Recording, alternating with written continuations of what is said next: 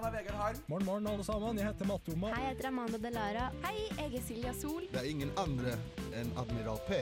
Vi er Lemetere. Og vi er nesten helg. Det er fredag, klokken er fire. Det er fredag, det er nesten helg. Nå er det faktisk nesten helg. Endelig! Vi tar deg med ut av den kjedelige uka og inn i den deilige helga. Nesten helg. Hei, hei, hei, kjære elskede lytter, og velkommen til Nesten helg. Sola skinner, måkene synger sine søte, søte melodier, og det er rett og slett en nydelig dag. Eh, mitt navn er Morten, og med meg i studio i dag har jeg Nora. Og Marie. Sondre kunne dessverre ikke komme i dag. Han skal underholde som standup-komiker i en barnebursdag på Melhus. Det her men- visste jeg faktisk ingenting om. Nei, det er var ikke veldig sant. interessant. Jeg håpet så at det skulle være sant. Heldigvis så har vi med oss eh, vår gamle tekniker, for dere som er, var faste lyttere. Og Ja, det hallo. er så koselig. Håkon her. Håkon. Hello. Åssen går det med deg? Det går, eh, det går veldig fint. Jeg hadde en god dag i går. Ja, det er bra. Hadde du en, hva- men ikke i dag.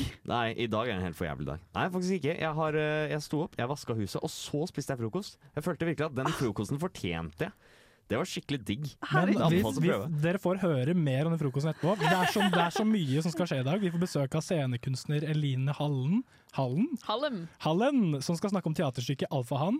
Eh, Jeg skal også snakke litt om et av de drøyeste reality-konseptene vi har hørt om. Det kommer en skikkelig juicy studentnyheter-spalte.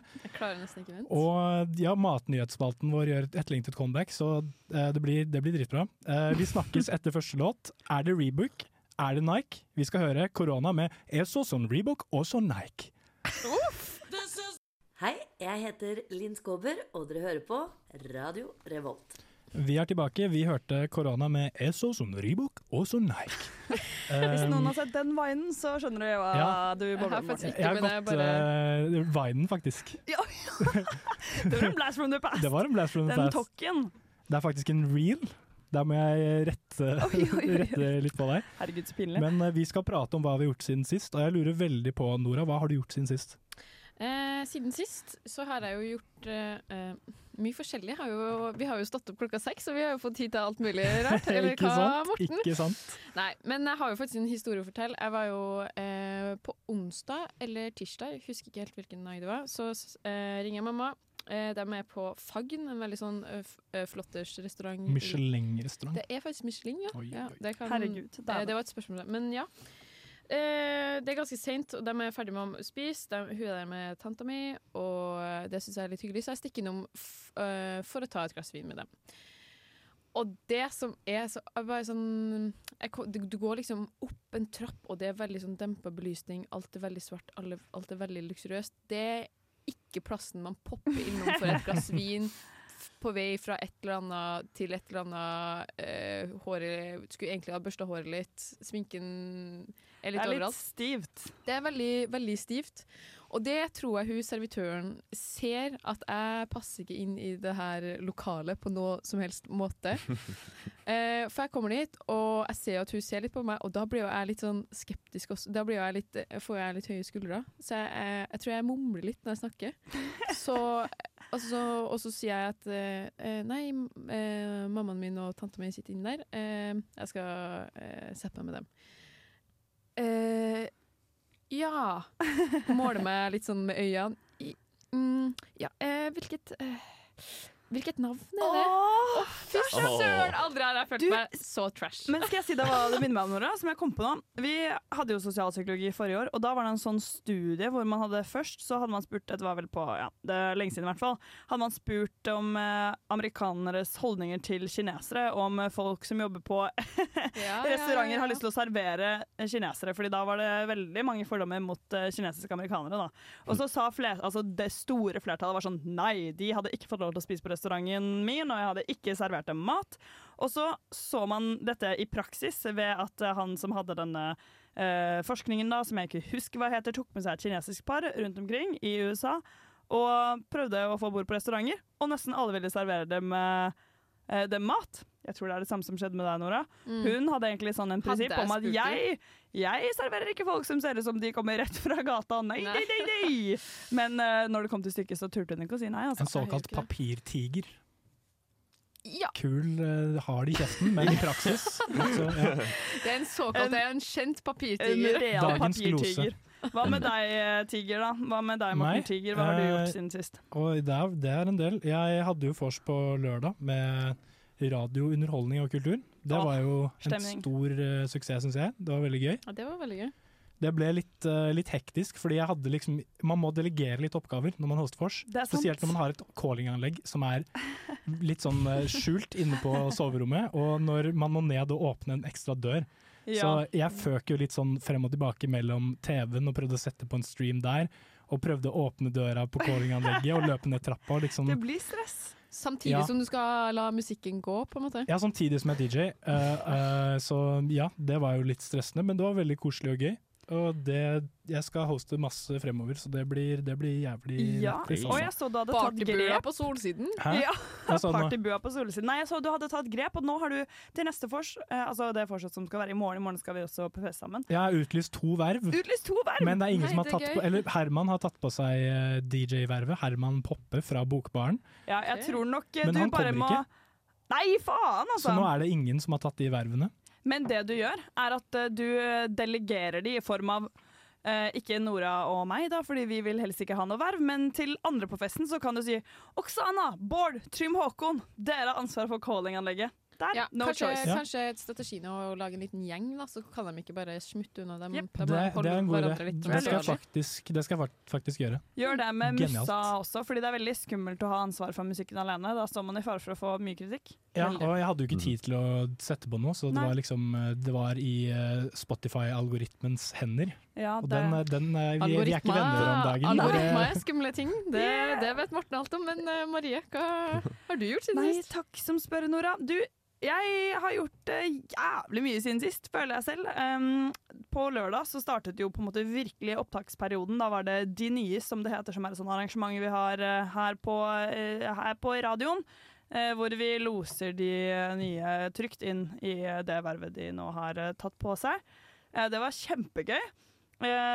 Deretter, etter De nyes-festen, og den varer jo til langt på natt, så skulle jeg på tidligvakt på jobben. Da er det bare å komme seg opp klokken seks.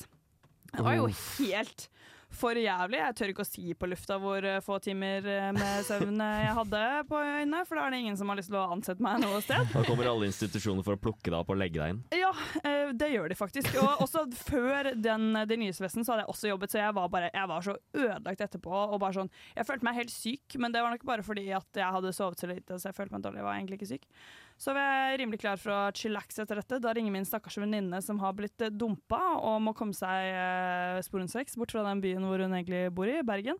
Så kom hun hit til Trondheim, så hun har sovet eh, hos meg til onsdag. onsdag. Eh, og det er jo veldig hyggelig. Jeg tar imot eh, folk med kjærlighetssorg. Men Det eh, er beste måten å chille på. Men du har vært på et høyhastighetstog, ass. ja, det er, det er det jeg prøver å si. Så jeg prøver å chille litt i helgen eh, i dag, og ikke i morgen. Og, men på søndag. Så det ser jeg frem til. Men jeg har hatt en fin, eh, fin innholdsrik uke. Og så Håkon, du er jo vanligvis ikke her, men hva har Nei. du gjort siden sist? Siden har- studenten? Det var siste gang du var Ja, her. det, ok, det er lenge siden sist. Eh, Så langt tilbake husker jeg ikke. Men jeg kan si, hva, jeg kan si en ting jeg faktisk har klart å ikke gjøre, og det er å ikke, ikke drikke så veldig mye. Og Det har du ikke klart. og det, og det var veldig, det var veldig digg akkurat i går. du har klart å ikke drikke så mye, så du har ikke klart å ikke drikke så mye? Jeg trodde du Nei, sa du ikke hadde klart å klart å drikke. ikke drikke. Oh, ja, du, så, vent, så du har drukket mye? Ja, det- ja, da forsto jeg deg rett. Har Men- vi det men- svart på hvitt. Yes. Det var lettere, Håkon. Ja, det, ja, litt sånne logiske labyrinter jeg legger frem. Uff. Men uh, ja, og så har det vært et uh, fortsatt meg i går. Eller det var vel opptil flere. Det varte i sånn fra klokka seks til klokka elleve. Damn! Og jeg tror folk! Ja, jeg tror folk koste seg. Ja, jeg tror folk koste seg til tross for at uh, de originale planene mine ble basically hevet ut av vinduet. Jeg hadde Jeg tenkt å tror fos- folk koster seg. Altså, sånn, man har jo et lite budsjett å gå på, og Mm. Håkon hadde bestemt seg for å bruke hele budsjettet på snacks. Ja! Det det er var et, det var et chipssortiment der. ja jævlig bra, det, Håkon. det måtte skje.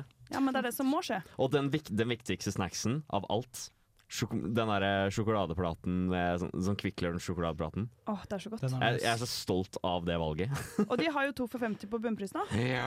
Man må jo faktisk bare ta tilbudene der man kan få dem. Åh, godt å kjøpe et kopp. Men dere, jeg har skikkelig lyst til å høre på Lars Vaular nå. Kan vi få ja. ordna det? Det kan, kan vi få ordna. Vi kan få ei lita låt yes! hvis vi vil, hvis yes! vi ber, hvis vi, vi spør veldig pent. Vi skal høre Lars Vaular med Highlights.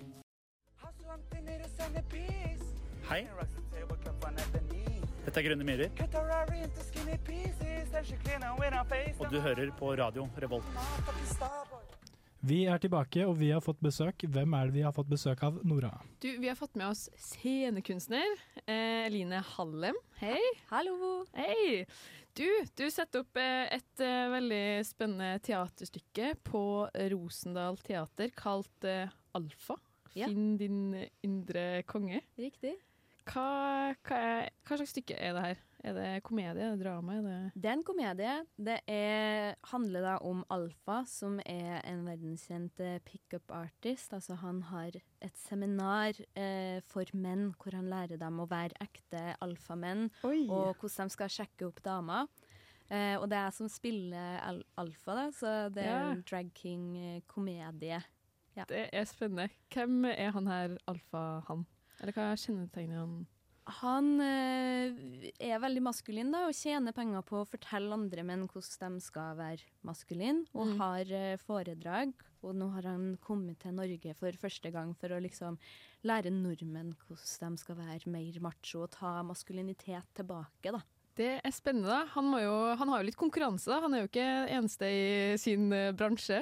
Nei, det er ikke det. Det er ganske mange inspirasjonskilder ute og går. Det er han. Jaha. Ja. Men eh, vi må jo snakke litt mer om han her alfahannen og den eh, tendensen. da. Men først må jeg bare Rosendal er jo kjent for å være veldig sånn testende eller utforskende i formatene sine. da. Er det her en veldig sånn interaktiv, eller hva, hva kan man forvente som publikummer? Ja, som den her så eh, behandles du som en eh, ung mann som har kommet på det her seminaret. eh, så alle i publikum får på seg en sånn maskulin T-skjorte Oi, og et eh, Åh. navneskilt med din eh, nye mannlige identitet. Og så snakker jeg til publikum som om dere er del av det her seminaret, da. Hva betyr det at det er en maskulin T-skjorte? Det er fritt for tolkninger. altså, det er en god blanding med uttrykk som kan være maskuline i okay. den T-skjorta. Ja. Skjønner. Eh, men de er litt sånn større, da, sånn at hvis at du kommer og liksom er kvinne og ikke helt vet hvordan du skal gå inn i en mannsrolle, eller liksom har lyst til å føle litt på den stemninga som er på det her seminaret, så tror jeg den det er på en måte kostyme på en måte hjelper Ja, ja. å få litt feelingen av det, så den er litt sånn stor og formløs. Men er, det sånn at du, du på en måte snakker til publikum som at dette er en, en YouTube-video som de ser på, f.eks.? Um? Nei, det er mer som at jeg snakker til dem som at det er en eh, live TED-talk. Akkurat, Eller, ja. eller et seminar da, som de er deltakere på. Så det kan hende vi har litt sånn gruppeøvelser hvor de får lære seg å være mer maskulin og har veldig mye visdom å dele med publikum. Ja, ja, ja. Men sånne type, sånne type seminarer har jo blitt mer vanlig sånn, i reell forstand. At folk kommer eh, på disse for å innhente inspirasjon osv. Skiller ditt eh, skuespill seg såpass fra liksom, de virkelige seminarene til at man ikke eh, ikke blir lurt og dukker opp på, på ja. Tror man skal på foredrag? ja, Ja. så plutselig var det bare Har det kommet noen til deg og bare sagt du, jeg lærte så mye, tusen hjertelig takk? Jeg tror uh, at det er ganske tydelig at, uh, at jeg ikke er en alfaen. For det første så er jeg i drag. da jeg, eh, Dere som hører på kan ikke se meg. Jeg er ganske liten i figuren, så det er ikke så mye med meg som skriker alfahann. eh, og for det andre så er det litt sånn mye sånn klovneteknikk innarbeida i forestillinga. Så det er mer sånn tøysing rundt det her verden av eh, som både i seminarer, men også som er veldig mye på sosiale medier, som er retta mot unge menn som er sånn gjør sånn, gjør sånn, Mm. tren mer. Tror du folk som vanligvis ville dratt på de ekte seminarene, også kunne ha glede av din forestilling? Eller hadde de kanskje blitt litt fornærma? Um, jeg liker å tro at de kanskje, hvis man har et snev av selvironi, Mm. eh, så kan de like det. Jeg har faktisk intervjua i forkant av det her en mann som brukte å reise rundt med en av verdens fremste pickup-artister, eh, s- og ha seminar rundt omkring i hele verden, eh, som fortalte meg masse, da. Han syntes det var veldig viktig å, ta opp det her, fordi han var sånn OK, det var veldig mye bra på de kursene også. Man Mm. lærte sosiale ferdigheter mm. som kanskje ikke mange lærer naturlig, da. Og samtidig så er det veldig mye eh, grums der også. Ja, ja, ja. Men jeg skulle til å si Hva kalte det? Drag, drag-han? Eh, drag king. Drag king, ja. Eh, så det er motparten til drag queens. Ja, ja, ja. Ja. Men for å finne liksom den her indre drag, eh, eh, drag eh, kingen din, har du testa det her liksom in real life, eller har du Hvordan eh, har du gjort research, egentlig, i spørsmålet? Um, jeg har ikke gjort det in real life, men jeg har som skuespiller jobba veldig mye med maskuline uttrykk. Mm. Og så kom det her karakteren fram i en slags klovneworkshop, hvor jeg fant at liksom, OK, jeg syns det er veldig artig når jeg prøver å være stor og maskulin, fordi det er så veldig motsatt fra hvordan jeg er. Mm. Um, og så har jeg hatt en masse prøvevisninger og gjort sånn mindre opptredener i denne karakteren og liksom forma den, da. Big dick energy er litt spennende, altså. Ja, Mm. det er veldig gøy, og det er veldig sånn altså Det blir veldig god stemning i rommet når man bare kjører på med litt guttastemning. Jeg har alltid vært litt sånn sjalu på den. Ja, Det ja, men jeg, spennende. Ja. Jeg skulle til å spørre om det samme. Sånn, ah, ja. Ja, ja. Jeg syns det er litt gøy å ta være den her eh, Det er ikke så mye, alfakingen. det er ikke så mye guttastemning på de seminarene, på sånne pickup artist-seminarer. Det er jo bare masse incels som blir shamet av en eller annen idiot, er det ikke? Det kommer, det kommer veldig an på hvem som lærer bort. Det er noen av dem som er veldig karismatiske ledere, som også jobber med sånn eh, sosiale ferdigheter og bygge opp selvtillit. Mm. Eh, de gjør bl.a. sånn impro-kurs. Altså liksom gjør ulike impro-øvelser for å lære seg å på en måte snakke lettere og ikke sperre seg sjøl og sånn. Ja, jeg bare jeg har behov for en liten sånn begrepsavklaring her. Hva betyr pickup artist? Uh, Pickup artist, er an artist of picking up women. Altså det Ja. er er en som på en måte har, føler at han har gjort en kunst ut av å sjekke opp damer. Uh, mm -hmm. Mest berømt uh, er vel han som skrev The Game, uh, Neil Nettopp. Strauss. Ja. Ja, ja, ja. Og Andrew Tate har vel også vært litt på den bølgelengden der, kan man Ja. si. Mhm. Det er, jo, det er jo en bølge, skal jeg ikke si. Men eh, eh, også lurte jeg jo også på Fordi det her med impro, det Mm. høres jo på en måte sunt ut. Mm. At det er jo noe her som er positivt. Og Ja. eh, sånn, veldig mange har jo behov for de her veldig konkrete tipsene. Men så er det jo også sånn som folk som driver på med det her, sier det er jo litt grums også. Er, hva, har du noen tanker om alternativer til på en måte For du finner jo det her på jentesida også med that girl-rutinen, som vi blant annet testa litt ut. Mm. At det er bare sånn du skal gjøre det her og det her og det her. Mm. Ja, jeg tror jo på en måte at vi er inne i en tid i samfunnet hvor det er veldig sånn alt eller ingenting. da. At det er sånn at man går veldig til ekstremer. Så Ja. hvis at man finner en filosofi som man følger, og så, og så er det sånn OK, men det her funker. Og så er det så godt å ha noen til å se opp til, og noen som forteller deg hva du gjør. Mm. Og det er så godt å ha en sånn ja, that girl-rutin, eller en oppskrift som sier til deg sånn akkurat sånn skal du gjøre det. Hvis du Mm. gjør de her fem stegene, så kan du sjekke opp en dame, eller hvis at du gjør sånn og sånn, så Mm. det er jo veldig trygt å forholde seg til en, en ustabil verden. Mm. Ja, fordi det er veldig mye sånn metodisk over alle disse tilnærmingene. Sånn for Ja, eksempel Jordan oppskrift. Peterson, 'Twelve Rules of Life'. Ja. Og så er det liksom sånn veldig sånn punktvis. Det er bare altså, sånn, De fremstiller det som om det er veldig lett. Da, så lenge man følger den oppskriften, så kan du på en måte oppnå det du vil. Ja, ja, veldig. Og det er veldig mange av rådene som er veldig gode, som du var inne på. At det er sånn Tren ofte, verdsett deg sjøl, jobb med selvbildet ditt. Og så, og så begynner man å gjøre det, og så er det sånn OK, men det funker.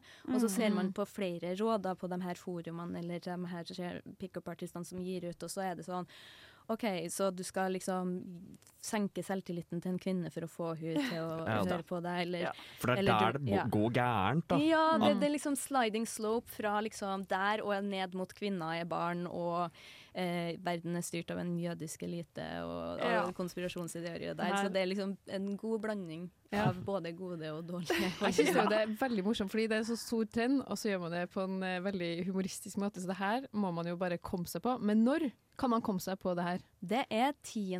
og 11. februar på Rosenhall Teater. Shit. Ja. Vi må begynne å runde av, vi faktisk. Men eh, tusen takk for eh, introen til Alfa King. Jeg gleder meg i hvert fall veldig masse til å se. Takk for meg. Vær så god. Tusen takk! Nå går, går banger-alarmen for fullt her inne. Vi skal høre Tøyen Holding med Grown Man Shit. Så det er bare å kose. Oh, yeah. Hei, jeg heter Hilde Louise Asbjørnsen, og du hører på Nesten Helg på Radio Revolt. Vi er tilbake. Uh, vi snakket litt sånn om eller Da forrige gjest, Alfaen, gikk, så sa hun takk for meg, og så sa Nora vær så god. Så ja, det, det blir jo forferdelig pinlig. det Men blir pinlig, men, men- De har, de, det er et uh, stort gap i det norske språket Ja, der. Hva er sier man når noen har sagt takk for meg? Man, vær så god. ja, fordi på, altså man kan jo si 'ingen problem'. Ja, Men jeg, det jeg liksom foreslo ikke- ja. 'gleden er på min side' i stad, og men det det er, er gubbete. det er det verste. Ja, Ja, altså, det er det verste. her, har du jo, her har jo hun kommet og gitt et intervju om et veldig kult stykke. Ja. Det er ikke sånn at jeg, jeg, jeg skal vær så god i hun, på en måte. Nei, vet du hva, vet du hva, nå kommer jeg på hva man kan si. Man Ok, hva kan man si? Kan jo, var det det du sa i stad, kanskje? Man kan jo bare si selv takk. Nei, du. Nei? Nei. Vær litt sånn Nei, takk til deg, skal jeg si. Ja, en sånn original. Kjør en original. Du må finne på noe nytt hver gang. Kanskje det er det liksom den situasjonen fordrer av Thank oss. you! Ja, no thank you! Ja, det er kanskje Ja. det man skal gjøre.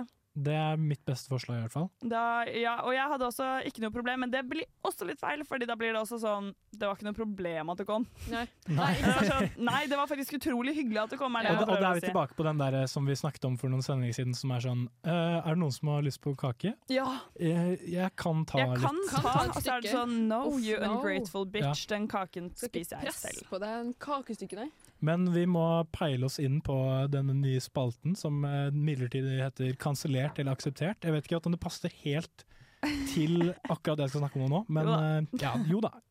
Fordi jeg skal snakke om et eh, reality-program som har fått veldig mye oppmerksomhet i eh, media. Kanskje ikke så mye i Norge, men i hvert fall i USA.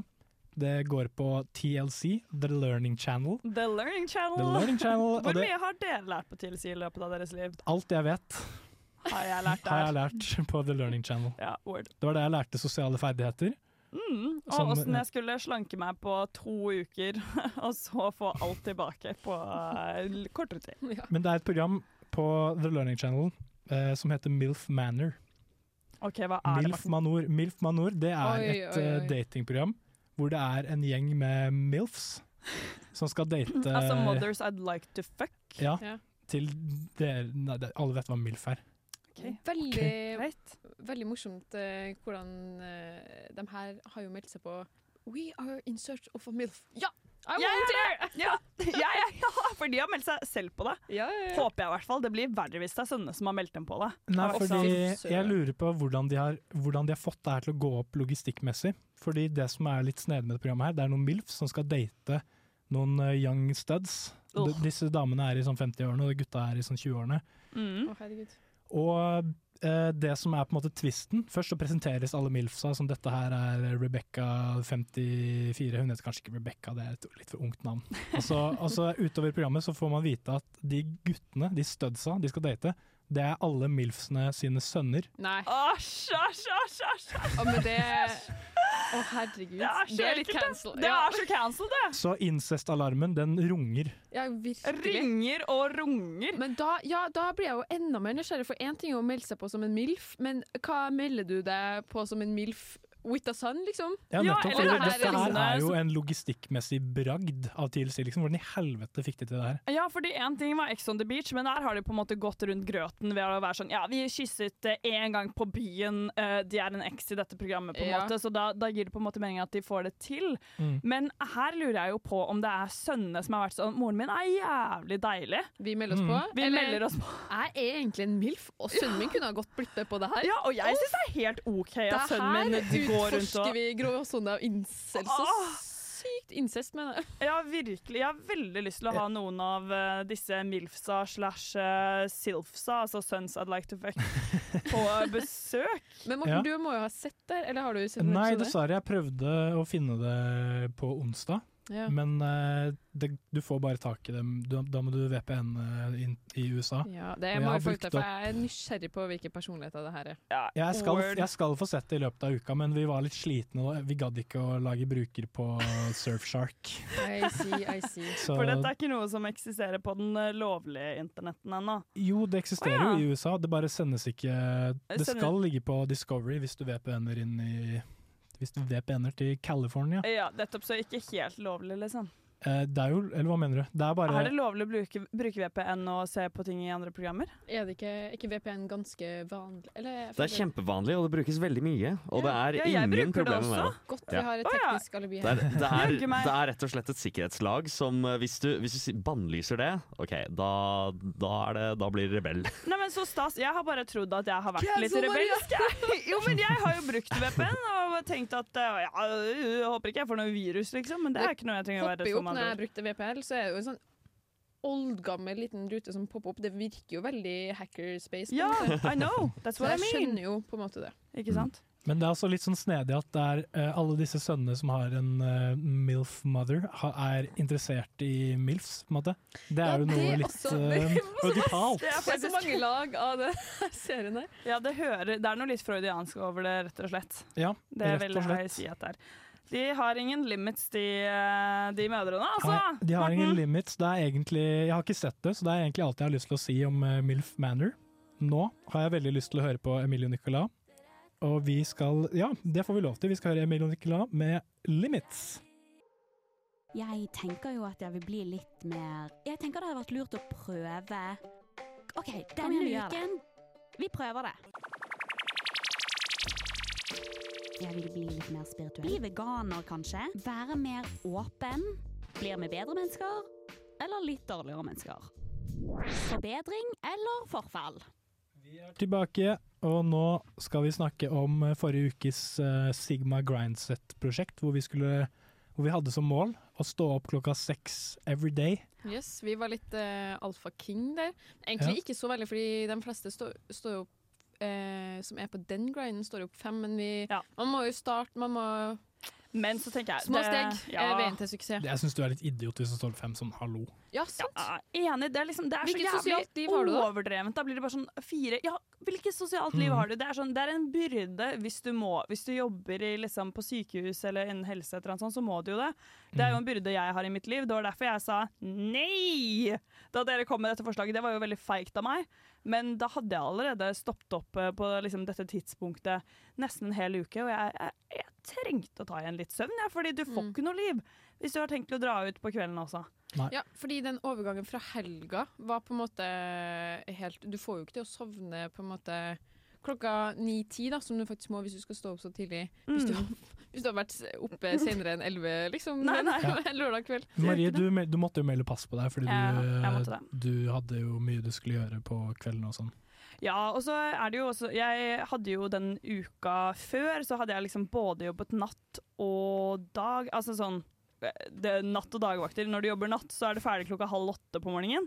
Da kan du ikke stå opp seks dagen etterpå, på en måte. Fordi da må du sove litt, og så må du omjustere døgnrytmen igjen. Og så hadde jeg jobbet flere dagvakter eh, hvor man må stå opp seks. Og så hadde jeg jo også vært på morgenradio hvor jeg også står opp seks. Så jeg følte at jeg på en måte hadde gjort Nå, nå fikk du renta ut, ja! Men Nora, hvordan har det gått for deg? Har du fått, fått det til? Eh, delvis. Det mandagen var jo ganske heftig, fordi da sto jeg jo opp. Ehm, opp da jeg la meg natt til søndag, på en måte. Ja. Klokka seks. Deilig. Så det var jo en heftig omveltning. Um, så jeg måtte jo ta en liten napp på mandagen. Men, eh, og så gjorde jeg det jo også på tirsdag. Og da gikk det jo kanskje litt bedre. Eh, og det var egentlig fikk egentlig en veldig sånn behagelig opplevelse av å stå opp så tidlig. Eller å stå opp var jo helt jævlig. Men når jeg først kom seg opp, så var det veldig deilig å bare drikke en kopp kaffe, gjøre noe sånn tutletu. At, at man føler man, at man var et lite skritt foran, på en måte. Jeg ligger jo alltid et skritt bak, som dere vet. Jeg kommer jo ryende inn studio her et kvarter før sending med en gul boblejakke og skisko på bena, liksom. Så det var jo godt for meg sånn sett. Men også så lurer jeg, begynner jeg å lure på dem som står på fem, hva fyller de alt med denne tida med? For jeg satt jo der bare og drev dank og hekla, på en måte. Ja. jeg, har, jeg hadde ikke noe sånn eh, energi og motivasjon til å gjøre noe produktivt så tidlig. Ja, Nei. det er det. Ja, Hva med deg, Morten? Åssen har det gått? Ja, det har jo gått pinlig dårlig, dette her. Jeg har jo stått opp kanskje sånn halv, elleve i snitt eller noe. Fy faen, Morten! ja. Men, sånn, Men når står du men opp til vanlig, da? For å høre hvor mye av en forbedring dette er. Det, jeg står opp sånn halv elleve til Ja, fy faen, Morten! Ja, så det er veldig dårlig. Men jeg, Fy jeg, men jeg må si, jeg, prøvd, jeg har prøvd med blod, svette og tårer Ja. Jeg har lagt meg eh, sånn cirka ti hver eneste natt, og jeg pleier å legge meg sånn ett eller noe. Mm. Så jeg har prøvd. Jeg har bare ligget i senga og prøv, prøvd å sove, ikke fått sove. Og ligget i sånn klokka 04.00 og hatt uh, fuckings Øystein Sunde-sanger på loop i hjernen. Det Men er sant. der føler jeg du må få en liten innføring i sengehygiene, Morten. Fordi får man ikke Sengehygiene høres veldig ekkelt ut. ja, men, ja, men det, det er faktisk et veldig ekkelt ord, men Ja, det er det veldig weird. Altså, sånn der, hvis man ikke får sove, skal man jo ikke ligge og vri seg, og man skal ikke bruke tid i senga hvis man ikke skal sove. Så da må du opp, og så må du um, Må du finne på noe annet? finne på noe. Ja, men det får, Ta deg en tur får, ut og vi får ha det som uh, prosjekt en uke, da, å forbedre søvnhygiene, fordi det trenger jo jeg Ja. åpenbart. -hmm. Men jeg tenker til neste uke så skal vi ha et nytt prosjekt i forbedring og forfall. Ja. Hva har du Og, funnet ut eh, av? ja, det jeg tenkte er at vi kan eh, Fordi det er jo veldig mange av aktivitetene vi driver med her i det moderne samfunnet, det involverer å skrive på en PC, ikke sant? Ja. Det er sant. Så hvis du har en høy skrivehastighet, så det er jo gull verdt. Ja, ja, 100% Så det jeg tenker vi kan gjøre, er at vi tar en uke hvor vi prøver å bare Vi måler skrivehastigheten vår nå, og så øver vi på hver vår eh, måte. mm. Og så ser vi om vi klarer å forbedre skrivehastigheten med Hva skal vi sette som mål? Oi, jeg med har liksom ingen referanse Med 10 prosent, det kan vi ha. Ja, det gjør vi. Eh, Ja. ja.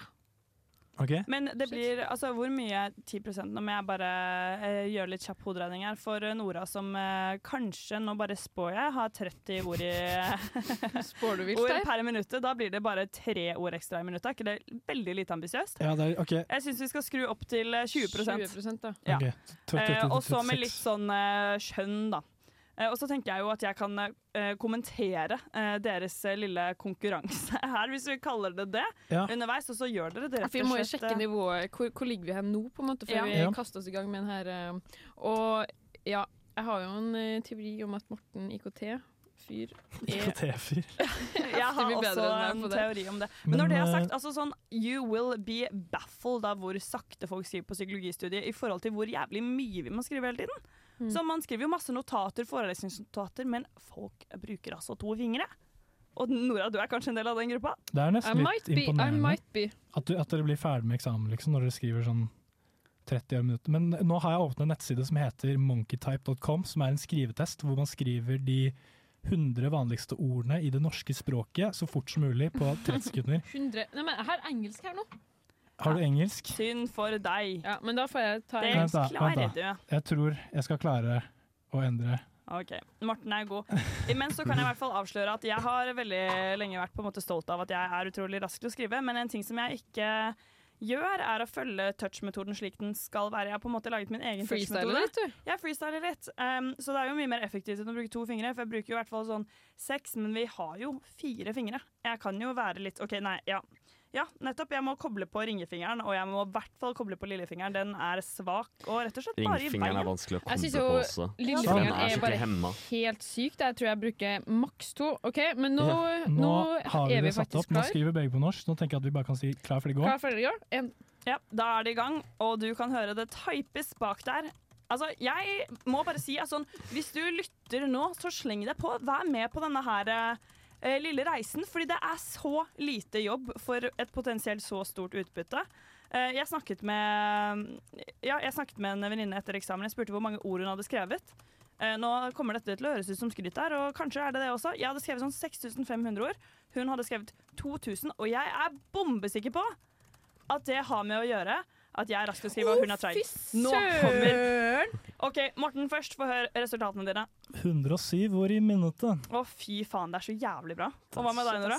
Nei, altså sånn, det er jo grusomt dårlig når eh, Morten sier det først nå. Jeg hadde 48 ord. Men det er mye bedre jeg, Jeg har jo testa det her for noen dager siden, og da hadde jeg 30. Så jeg bare Jeg ble veldig stolt! Nei, men vet du hva? Den, den seieren syns jeg du skal ta. Ja, men det er kjempebra. Og så helt på tampen, helt på tampen dere, skal vi ta en uh, lynevaluering av det prosjektet vi hadde, altså 6AM. Hva syns vi? Er det, var det forbedring, eller var det forfall? Oh, Det er, det, er så, det er så sykt store negative og positive sider med det. Jeg, Mm. jeg vet ikke hva jeg skal si. Fordi eh, til vanlig kunne jeg ikke. Eh, Jeg klarte ikke å Det er mye som skjer sent på kvelden i en studenthverdag. Ja. Jeg, Det klarte ikke å holde seg. Forfall. Jeg tror eh, Ja, jeg fikk det jo ikke til, så jeg kan jo ikke si noe annet enn Nei, du eh, kan forfall. ikke det. Nei. Og jeg, ville, jeg, jeg sier også forfall, fordi jeg tenker at eh, det kan være deilig å stå opp tidlig, men ikke push den så mye at du ikke får et sosialt liv. Eh, et lite stikk til Oksana. Du er jo aldri med på ting på kvelden lenger, for du må opp tidlig. Jævlig kjedelig. Ja, Jævlig så kjedelig. nå tenker jeg at vi skal høre en låt. Vi hører eh, 'Tusen takk' med 'Vi skulle vært' Nei, hva faen står det? Vi skulle vært vi nå. Vi skulle vært no, vi nå. Vi skulle vært nå, vi nå. Ja. Nei, det. Ja. Ja da. Ja da.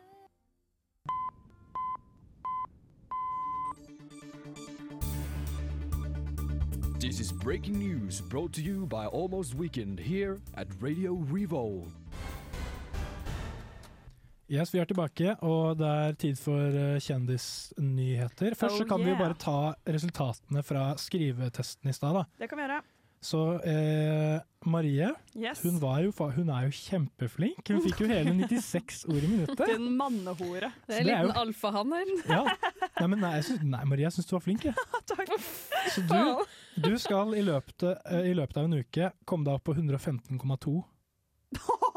Så det, Det er jo en stor forbedring. 115 Å, shit. det, det er jævlig dritfort. Ja, det tror jeg kanskje ikke, men kan ikke, vi, kan ikke vi redusere det til 110? Kan ikke det være mitt mål? OK, du kan få 110. Ja, det kan være ditt mål. Yes, takk skal du ha. Ok, uh, Nora hun fikk 48, så da skal du til 57,6. Hva, hva tenker du om det? 57,6? Det klarer Ja, du. det klarer du. Og jeg, eh, Jeg skal faktisk virkelig gå inn for det her. Ja, bra.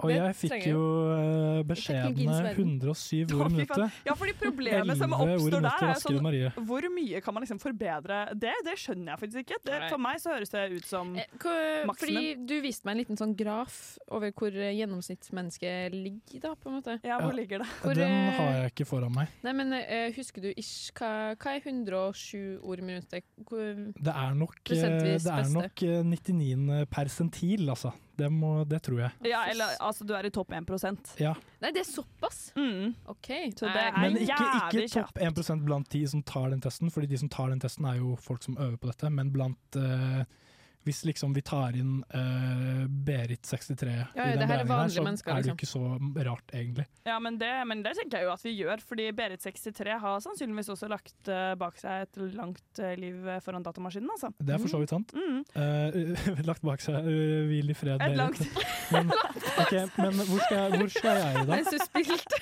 Go Suf. Jeg fikk 107, jeg kan forbedre til Jeg skal ikke til 128. Nei, 115, tenker jeg. 115, ok. Nå ble det liksom omtrentlig, men det tenker jeg er greit. Det er fint, det. Og Sondre, Eh, jeg lurer på hvor eh, fort han typer. Men det får vi sikkert finne ikke så fort. Jeg, kan ikke, jeg har aldri sett han min en PC og taste. Men jeg synes det var rart nå, fordi Håkon, teknikeren vår, tok jo den testen, og jeg ville sett for meg en tekniker. Equals, du, du er rask, men han fikk altså 34 ord per minutt. Ja. Jeg føler Han studerer jo også teknologi. Eller man, mister, man går jo helt ut av trening. Et, er det Ja. ikke litt som et språk, at det visner litt bort? Ja, eh, ja, for man, han skriver kanskje ikke så mye på data nå. Men det gjør jo ikke Morten heller. Jo, men likevel. en. det er jo jo, du programmerer jo, herregud. Det gjør jo, det gjør jo Håkon òg, så vidt jeg vet. Ja, det er sant. Men nå må jeg peile oss tilbake på det den spalten her du egentlig må- skal Ja, hvor- Hvor skal vi? oss. Det er eh, studentnyheter, så vi har selvfølgelig litt uh, juicy uh, Det er faktisk Twitch-drama. Ja, det er faktisk ikke studentnyheter, det er faktisk Kjendisnytt. Ja, Kjendisnytt. Det hadde vært gøy om det her var Studentnytt, ja. Det hadde vært gøy. Ikke Studentnytt, men Kjendisnytt. Uh, okay, drama på Twitch den, var skeder. den nyheten her, den er så cringe at da jeg, har faktisk jeg eh, nesten ikke klart å holde meg Nei, men jeg fikk liksom frysninger i hele kroppen. Okay. Og jeg får frysninger nå av å tenke på det. Morten har siden det her er flere ganger. så flaut. Eh, fordi dere vet jo, i helgen så ble jeg litt flau da jeg kringkastet eh, min Spotify til radiounderholdning. Ja. Og det kom masse underholdningsprogrammer opp på sånn For You-greia. Det Og det så ut som ganske pinlig. Ja, og jeg følte meg som den, eh, litt som en creep, da. Ja. Men det er så jævlig inn i helvetes barnemat i forhold til den saken her. Okay. Denne saken er så ille. Oh, nei, oh, nei! Det er en streamer på Twitch som heter eh, Atri... Nei. Atriose? Hvordan sier han? Atric eller noe? Atriok. Ja. Heter han. Ja, ja. Han er en middels populær streamer som har sånn i gjennomsnitt sånn 5000 visninger eh, for hver stream. Så det er en ganske en middels stor streamer, da. Han konkurrerer med nesten Helge Radio Revolt, for å si det sånn. ja, ikke sant. Eh, cirka samme tall som det vi har. sa vi og lo litt for godt. Så i hvert fall under en stream så skjedde noe av det som må være et av de verste marerittene for en streamer. Fordi fanene i nettleseren hans, eller et vindu han hadde, og fanene han hadde, poppet opp i sånn 0,1 sekund. Var som et Og for det her går jo live, ikke sant? Det går live. Det er, fem, det er helt live. 5000 personer ser på. Mm. Oh, nei. Og eh, internett, eh, eller sånn Chromen hans, flasha opp bare sånn 0,1 sekund. Så du så fanen som var oppe, og alle fanene som, var, eh, som lå i bakhånd der. La være oppe, Morten, vi dør. Fordi eh, eh, hvis det hadde vært porno, da, så hadde jo det vært Det hadde vært litt sånn hi-hi, flaut. Ja, ja, men det gjør jo alle. Ja, det er det, så det er ikke så For jeg gøy. skulle si, er det porno? Er det det du har Nei, liksom nei, men- gått og gått av deg over? Nei, du må bare, bare vente, vent på det her, liksom. Fordi det hadde vært litt flaut, men det hadde gått helt fint. Han er bare sånn ops, litt flaut, men det hadde ikke fått så mye oppmerksomhet, og det går jo det går helt fint. Men det som var Det, det som kom til syne, var deepfake-porno av to kjente kvinnelige streamere. Kan du si det en gang til? Det, var, det, Nei, det- det, som kom opp, det som kom opp, var deepfake-porno av to kjente kvinnelige streamere. Og deepfake, det, det er litt sånn porno der de har eh, liksom retusjert på ansiktet til den andre, da. På Fått måte. det til å se jævlig ekte ut. Altså Mm. En Ja. deepfake-porno av Nesten Helg ville vært en kjemperealistisk porno hvor Nesten Helg har trekant. Eh, ja, så det de, det de har gjort, er at de har tatt De har funnet en eh, De som har laget den pornoen her, har, jo- har funnet en eller annen pornstjerne eller noe som Mm. ligner, som har lignende kroppstype som disse streamerne. Og så har den brukt uh, Redigert på ansiktet. Ja, så har den liksom trent en AI med uh, time på time med uh, ansiktene til disse streamerne. Å, Og så har du bare slappa det på disse jentene. Herregud, Så det ser jo kjempe sykt at det bare går. Ja, det er sykt. Å, det er jo fy, det men så veldig- jævlig mortifying! Ja, og han her er streamer, liksom. Han kjenner disse, disse jentene kjenner ham, og han kjenner dem. Og det er jo så Å, fy. Det er så jævlig Ja, ugreit, for det er liksom. Da kan ikke du ro deg ut av det og være sånn Jo, men jeg bare ble jævlig nysgjerrig. Fordi det kunne jeg sett, men når- det er sånn hvis det er vennene dine, så da Nei. blir ikke det innafor. Mm. Da må du klargjøre det med dem, i hvert fall. Altså, sånn, Ja. Det blir jævlig rart. Så han har jo lagt ut en sånn unnskyldningsvideo hvor han forklarer seg ved at han, Ja, hva er forklaringen på dette? han satt og browset uh, porno, da. Eh, og så så han en ad som var sånn «Øy, deepfake-porno. uh, og så trykte han på den aden. Nei, nei, nei. Og så har han, han har betalt for disse videoene, og det innrømmet han. Så han, han klikket på en ad. Han har sett at det er uh, deepfake-porn av andre kvinnelige streamere. Han har betalt for denne pornoen. Men når man har begynt har- å betale, så syns jeg det blir, litt, det blir enda mer creepy å begynne å unnskylde seg ut Ja, av det. ja. fy faen, du må bare legge deg flat Ja, som ja, ja, en pannekake. og si unnskyld, men ikke sånn derre bortforklare bortforklar Eller sånn Uff, jeg bare havna inn på en sånn ad, nei, liksom. Nei, så det er liksom Åh, jeg får helt frysninger. Ja. Jeg vet jo ikke hvem det her er engang, men det bare vrir seg inni meg ja, likevel. det er, det er, det, men det er jo faktisk som at du skulle ha streama opp på din eh, Chromecast. Jeg og Marie at du som hadde sett på deepfake av Marie og meg. Ja, Nei, Marie og meg. Ja. Nora og jeg. Eh, Ja. Altså, oh, shit. altså så det er jo Nå lurer jeg på Det må man kunne kalle seksuell trakassering? Eller, eller Ja. er ikke det det fordi det bare er laget på en måte på en fake måte? Men det er jo det som gjør mm, det her Det konseptet bare så sykt ekkelt, på en måte. Fordi det er jo det, men han har jo lov til å bare trykke på hvilken nettside han har lyst på. på ja. Ja, han har jo det, og det er jo ikke ekte, men Det er vel seksuell trakassering med tanke på at det er liksom uønsket seksuell oppmerksomhet. Ja. Det er jo det, men Så ja, han, jeg tror han har slettet seg Jeg har ikke rukket å sjekke ut det, men jeg har hørt noen si at han har slettet seg helt fra sosiale medier. flytta til Madagaskar og Ja. bodde ja. Det det hadde jeg gjort òg. Ja, Det var en Twitch-nyhet that made me twitch, for å ja si det sånn. virkelig. De skal stenge. Jeg tror vi må roe litt ned med en deilig låt. Ja, Morten. Ja, nå må vi eh, ta oss sammen og høre på en eh, gammel kjenning. Rebecca Black. Noen som husker henne fra 2011? It's. Friday. Eh, vi skal du, høre vi Rebecca Black med Crumbs. Bag. Cover all 9,000 taste bud. Aerate it. Warm it up. Driving up that top note. That cream. Pure vanilla. Sweeteners. Mm, that's a 10. Yes, nå er det tid for eh, Nei, som jeg liker Det er duket for matnyheter. Eh, Og så det er matnyheter. vi har ikke klart å oppdrive noe eh, Tine multeyoghurt til den Men den her. kommer tilbake. Det fikk jeg mail om i dag. Og da må jeg bare si, altså sånn, sorry, men de som har kjempet for å få denne tilbake, de må jo ha trodd at det ikke kom til å skje. Og så, hadde det vært, så var det en eller annen sånn nostalgi som drev dem. For multer smaker jo piss. Multa er jo ikke godt. Det er sånn, Nei, Hver jul så det? spiser vi ø, Oi, hallo! Alle som hører på. Ja. Ja, vi har, vi har, Kommer en liten stemme fra vi har fått to gjester i studio også, det er også fint å melde. Vi uh, har besøk av Mari og Max fra Radio Mari. Multe og Max Multe!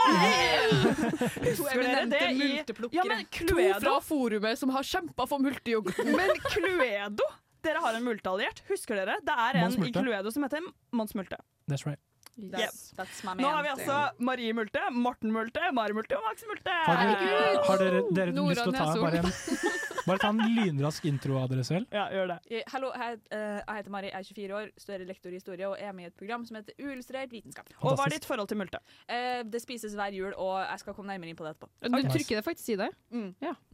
Hei, eh, jeg heter Max, som eh, dere har sagt. Jeg er også 24. Jeg studerer medievitenskap, bachelor på Dragvoll, og så er jeg med i Filmofil. Jeg hater multer. Jeg tror jeg smakte multer én gang da jeg var fem-seks. Ellers har jeg aldri smakt det, men bare veit at jeg ikke liker det. Molto bene, tenker jeg at vi sier da. Um, ja, takk. Uh, vi blir bedre kjent med disse etter hvert, men først så skal vi snakke litt om uh, matnyheter. Fordi hva er, det, hva er det som har skjedd på matfronten i det siste, Oi, Marie? oi, oi, det har jo alle fått med seg. Matvareprisene har steget igjen! Men nå har de, jeg har hørt siste nytt, er at nå har de gått litt ned igjen. Ok, ja, men det er ikke, det er ikke mye. Det er ikke mye. De gikk opp, og så fant de ut at uh, det her har vi ikke råd til. Fordi så vi må gå litt ned. Jeg har et sterkt minne av, og dette er jeg ganske sikker på, da jeg flyttet til Trondheim, så kostet fordi de har alltid sånn to for eh, en eller annen pris på Rema 1000 på Kjelsberg kaffe. Mm. Eh, to for 40. Nå er det Vil noen gjette hva prisen er? To for 55. To for 300 000. Det er to for 70. Nei! Har de gått opp til to Ja. Det var, det var et godt gjett, Max, fordi for ca. to uker siden var det to for 55. Nå er det to for 70, og da er jeg bare sånn Det er så sykt. Det var nesten Altså sånn Det er nesten en Det er nesten så vi skal marsjere i gatene. Ja, tenker jeg. faktisk det. Og jeg tenkte jo at å, det her er litt hyggelig, Fordi da blir dumpster diving litt mer sånn der allmenn akseptert. Jeg syns jo det er litt gøy å drive på med. Eh, og hadde litt prat om at ja, det må vi begynne med. Men det har Ja. også parallelt blitt innført en lov om at, som, er, som, er, som er på en måte bra på mange måter. At eh, butikker skal resirkulere plasten sin. Så på en måte, hvis de skal kaste en pakke med pølser, da, så Mm. skal plasten sorteres. Men det det ofte ender opp med, er at de bare på en måte stikker et hull i pakken. Og så slenges det sånn at det på en måte ikke kan tas likevel. Da. Ja, det er det, fordi det er et sånt tiltak som jeg bare føler at det kommer til å virke så jævlig mot sin hensikt. Fordi Ja. her blir litt plast sortert, og det er bra. Men et mye bedre alternativ hadde jo bare vært å gi bort all den maten som var igjen. Og jeg Mm, vet at en mhm. del gir bort uh, maten sin til fattighus og sånn. Veldig mange butikker gjør ikke det. Altså, alt som de ikke får solgt, går rett i svin. Nå skal jeg bare henge ut en liten butikk også. Sånn Ja. Coop, eh, Coop Extra på, på Møllenberg. Bare dømste der. Og der har de, der har de kjørt den derre fuck you-strategien. De har liksom bare åpna pakka på en måte. Og blanda det. Det er liksom sånn der, jeg, jeg ser for meg at de har stått der og bare Fuck, fuck de her eh. Blanda kjøttstykkene med noen boller og skvist bananene og knust et feta og ostglass. Nei, Æsj, det var litt komisk. råd til å kjøpe. Ja, fy faen, de må vi ta! Yeah. Men er ikke holdbart en greie for en grunn? Jo, altså holdbart er vel sånn Det er jo en butikk oppe på Tiller, er det ikke det? Mm. Mm. Som tar inn mat som har gått ut på dato, men som fortsatt holder. Eh, og det er jo veldig bra, men det, er jo, altså, det jeg syns er sykest med holdbart, er at det ikke finnes flere slike. Mm. Fordi I swear to God, hver eneste dag jeg har jobbet i dagligvarebutikk før, hver eneste dag er det tonnevis med mat som kastes som er helt funksjonell og fin. Veldig På fint. Meny der hvor jeg jobbet, så hadde vi sånn regel at vi kunne spise det, men da måtte vi spise den mat maten som hadde gått på dato mens vi var på jobb. Eh, og så var det en gang hvor liksom sånn seriøst 50 plater med sjokolade hadde blitt svinna. Du, du kommer deg ikke gjennom det på en arbeidsdag. Det bare gjør du ikke. Dessverre. er det mulig å lifehacke det og ta så åpne sjokoladeplater og legge det i en matboks eller noe sånt og være sånn Oi, ja, ja, det er, den er åpna, jeg har begynt å spise. Ja. Du tar med en søppelbøtte og bare sånn Oi, denne søppelbøtten er full av sjokolade. Tar med søpla ut, jeg. Ja, men tenk deg, De kunne jo ikke tatt deg på det, på en måte. Men jeg har jobba Mm, der har jeg en liten fotnote etterpå. OK, spennende. Fordi jeg har jobba i matbutikk en gang i tida, og da var det ekstremt mye mengder mat som måtte kaste, og det var liksom den jobben jeg gjorde, fordi det var før jeg kunne sitte i kassa, så var jobben der var sånn Du tar søpla, Mari. Og jeg var sånn Den er god. Og da var det sånn alt fra frukt som faktisk var nasty, til ja, sjokoladeplater og potetgullposer som bare hadde eh, blitt stukket hull på når vi liksom åpna papp eskene med Mm. potetgullposene i, Mm. så kom det hull på dem. Og da sånn, ah fuck, da må Ja, vi kaste den. Eh, og jeg fikk beskjed om at grunnen til at vi ikke kan ta med sånne ting hjem, var fordi at eh, Mattilsynet har bestemt at de var redd for at vi skulle da begynne å misbruke Mm. det der. ikke sant? Sånn at folk faktisk begynner å ødelegge ting for å ta det med hjem. Det skjønner jeg at de har regler på, men, jo, det skjønner jeg, men oppfølginga er weird at de skal være sånn nazi på det. Ja. Ja, det er litt Jeg syns det er teit. Men så jeg, i protest så gjemte jeg meg inn på det vaskerommet, og så spiste jeg den ene potetgullposen som hadde fått, fått hull. Så det var sånn, for, for så at jeg la fra meg alt utstyret i den der vogna der vi skulle ta matsvinn, og så gjemte jeg meg inn på det rommet og satt sånn. Men det er jo Det var en god akkurat potetgull. det samme. Jeg skjønner ikke hvordan folk har viljestyrke til å på en måte ikke gjøre sånne der ting. da. Nei, Når man er på sjuende arbeidstimen, er litt su eh, sulten, og den deilige potetgullposen har et lite hull i seg. I will tell you why. Fordi en eh, kjent historie som jeg skulle ønske ikke var så eh, kjent, men som jeg nå prøver å ta eierskap over, er jo at jeg spiste dopapir, for jeg var så sulten på jobb. Og gud, det er utrolig pinlig, og vi tar det ikke noe, Max, for da orker jeg ikke. Da blir jeg dårlig humør. Men grunnen til at det uh, skjedde, var jo fordi min gode venninne og kollega på Meny, men riktignok en annen meny, hun hadde, hun hadde rykket på en liten ribbe. Fordi en annen regel er at hvis noen Fort gjort, tar fort gjort. Som man Altså. Hvis noen tar noe mat i delikatessen Oi. Beklager, det er ferskvaren. Jeg sier Ja. delikatessen på instinkt, det er veldig forferdelig, men ferskvaren det heter delikatesse på meny. Uansett, eh, hvis du Veldig ekkelt. Hvis du tar mat derfra og ombestemmer deg, som mange gjør, da kan ikke vi selge den. Da må vi bare kaste det med en gang, og det er jo sånn veldig digg mat. Og da skulle hun gå og svinne en sånn liten ribbe da, som noen hadde kjøpt og ombestemt seg. Og så hadde hun tenkt hm, jeg er litt sulten, denne skal kastes uansett, jeg tar en bit. Dette hadde blitt meldt inn av en som hadde sett det. Nei! En eller? snitch. Nei, en snitch, en, med, en kollega. Det er så sykt. Hvorfor? Det er så jævlig sykt. Hvorfor? Og så hadde hun fått beskjed om at dette her var såpass alvorlig da, at hun skulle få avskjed på dagen. Men det, Nei, må nei, nei, nei, faktisk, nei. det må jo meldes inn til et eller annet. Ja, det er jo helt sykt. Heldigvis for henne så hadde hun nettopp hatt rettslære, fordi hun hadde rettslære på den tiden. Og hadde Ma lært at matrettslære. Matrettslære. og hun hadde lært om eh, Jeg skjønte noe! Å, gud. Det var ikke så gøy, Marie. Nei, det jeg, Men gøy. jeg vet ikke helt hva du skjønte, liksom. Det er Ja, jeg er lys gikk opp, liksom. Jeg trodde, jeg Fordi- liksom fordi bare tulla med at Ja, fordi, Ja. og det skjønte Og derfor syntes jeg det var gøy, for at jeg skjønte det etterpå. Takk, Mari, Tilbake. fordi jeg forsto det av deg. Takk. Ja, godt du ikke er med fast, Mari, for da hadde Morten fått altfor mye Ja, anerkjennelse for disse vitsene her. Men det er veldig koselig. Nei, men, Men, du kunne i eh, hvert fall flekke opp med noen kunnskaper om at eh, jeg må faktisk få en advarsel og sånn før du kan sparke meg på denne måten. Så hun fikk bli i Ja. jobben, men det var ikke jævlig god stemning etterpå. Så derfor spiser jeg dopapir da personlig. Det var min unnskyldning. Men den dårlige stemninga tenker jeg er sjølforskyldt for den som snitcha. Ja, fy faen, så Jeg må bare slenge inn et lite tips før vi går over til neste spalte. Og det er å oppsøke gratiskjøleskapene. Fordi dem, sånn som uh, Matsentralen er jo noen som samler inn uh, mat fra butikker som har gått ut på dato eller skal gå ut på dato. De settes ut på flere forskjellige kjøleskap i Trondheim. Mm. Yes, de, disse matnyhetene ledet jo til en ordentlig matrant, men det liker vi, da. Uh, jeg tenker vi kan høre en låt. Nå som vi snakker om mat, så skal vi høre Lea med Red Wine. Du har kommet til en helg som ikke er i bruk. Yes, nå er det tid for Nora, du ler alltid av den.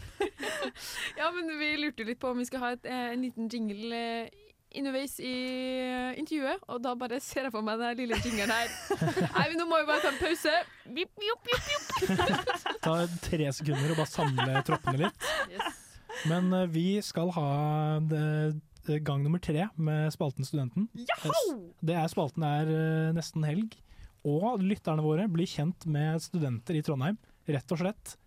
Og i dag, de har jo allerede fått en ja, Nå kommer det en liten fanfare snikende inn i bakgrunnen her. Jeg vet ikke om noen hører den, jeg. For det gjør i hvert fall ikke jeg.